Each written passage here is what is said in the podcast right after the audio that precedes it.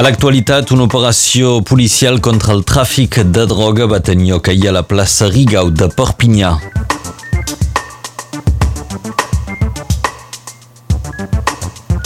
La millor cervesa del món és nord-catalana i és present aquí a Barcelona en el Gastronòmic Fòrum de Barcelona, l'esdeveniment gastronòmic més destacat de la capital catalana. A l'actualitat també destacarem que Nicolas Sarkozy tornarà davant dels jutges, en aquest cas és en l'afer dels sondejos de l'Elisi. Nicolas Sarkozy gaudeix d'immunitat, però podrà compareixer com a testimoni.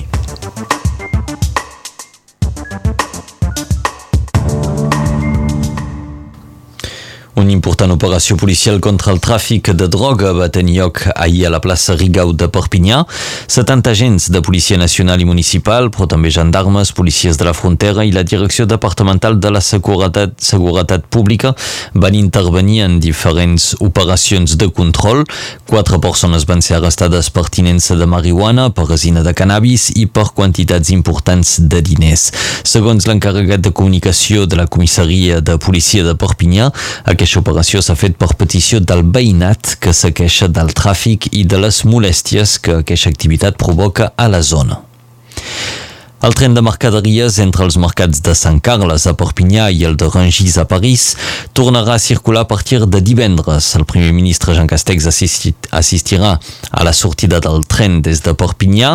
Aquest tren permet transportar fruita i verdura en vagons frigorífics entre els mesos de novembre i de juliol. Aquest nou tren comptarà amb menys vagons i sortirà de Perpinyà cinc dies per setmana amb destinació al mercat de Rangis. Robert Bassols ha estat reelegit al capdavant de la Cambra dels Mestiers i dels Artesans amb 56% dels vots davant de Joan Jaume Planes. La dada important és la participació que ha estat només del 14% amb menys de 2.000 vots expressat per 17.000 professionals amb dret a vot. Els metges de SOS Medicine de Perpinyà tornen a l'activitat. Els 13 metges generalistes que treballen en aquesta estructura van votar per reprendre el treball. Cal dir que des del dia 27 de setembre els metges van iniciar un moviment de vaga per denunciar un ritme de treball insostenible i poc valorat. Avui els metges de SOS Medicine reprenen pacients però no faran remuntar els serveis de l'Estat les dades epidemiològiques com a mostra de protesta. Tercer i darrer dia pel Gastronòmic Fòrum de Barcelona, l'esdeveniment gastronòmic de referència de la capital catalana. Un any especial ja que Barcelona és capital mundial de l'alimentació sostenible. Aquest fòrum vol contribuir a la recuperació de tot un sector greument impactat per la crisi sanitària. I aquest any una empresa nord-catalana ha estat convidada. Es tracta de Cap Dona, que presenta les seues cerveses artesanes i particularment la Wood Age Imperial Stout, elegida millor cervesa del món aquest any amb una nota de 100 sobre 100 al World Beer Challenge 2021.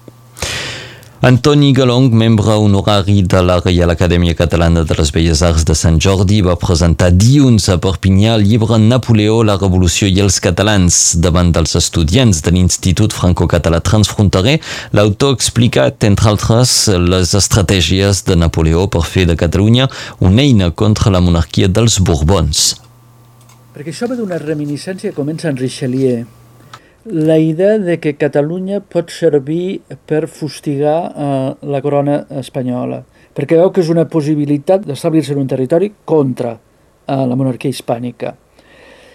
La convenció amb Robespierre farà el mateix i el tercer intent és el de Napoleó amb la mateixa idea. Si jo controlo aquest territori, que sembla ser dintre de l'àmbit eh, peninsular ibèric el més preparat per acceptar les idees de la revolució, debilitaré la monarquia hispànica i serà més fàcil atacar-la, tenint en compte que quan això succeeix, eh, la monarquia hispànica té encara tots els territoris a Amèrica.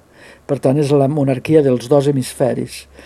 Per tant, per Napoleó és important eh, afeblir la monarquia hispànica perquè té més possibilitats de que el seu germà eh, Josep I regni realment a Espanya. Explicacions d'Antoni Galong, l'autor del llibre Napoleó, la revolució i els catalans.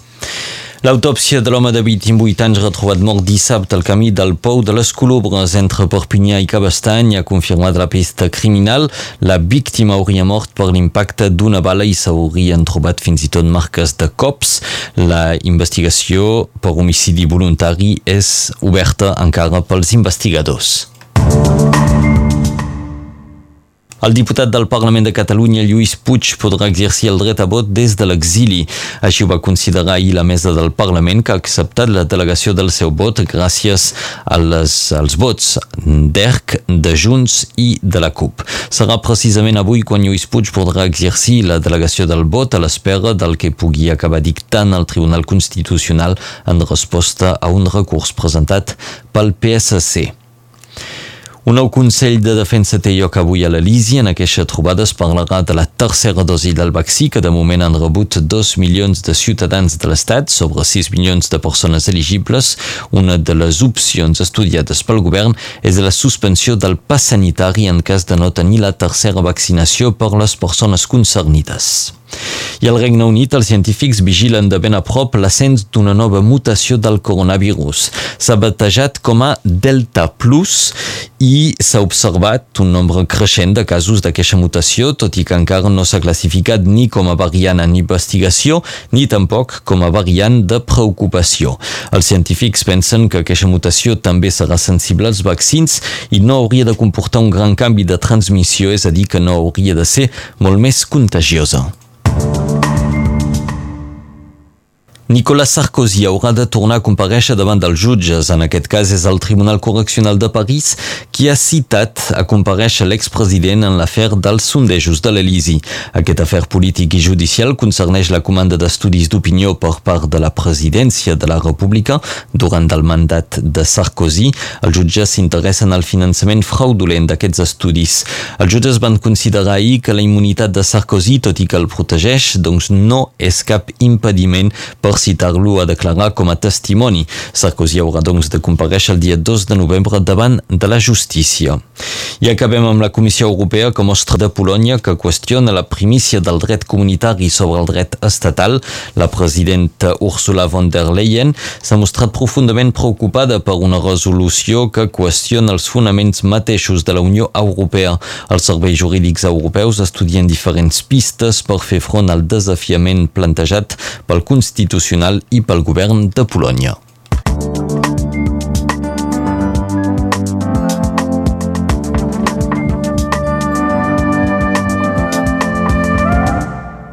Passem ara a la previsió del temps, ens la presenta l'Enric Balaguer.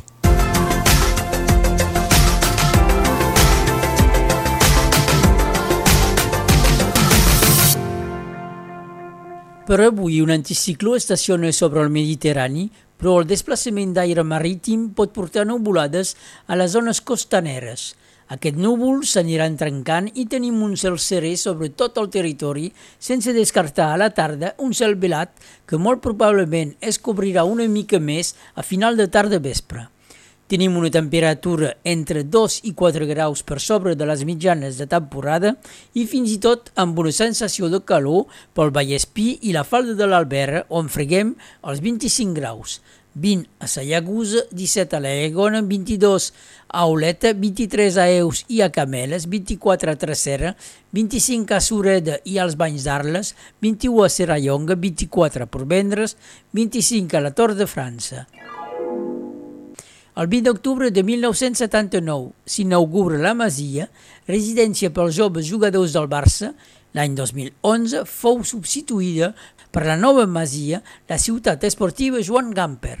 Fa 10 anys, avui, l'ETA anunci que atura definitivament la lluita armada. Avui hem de felicitar Adelina i Irene.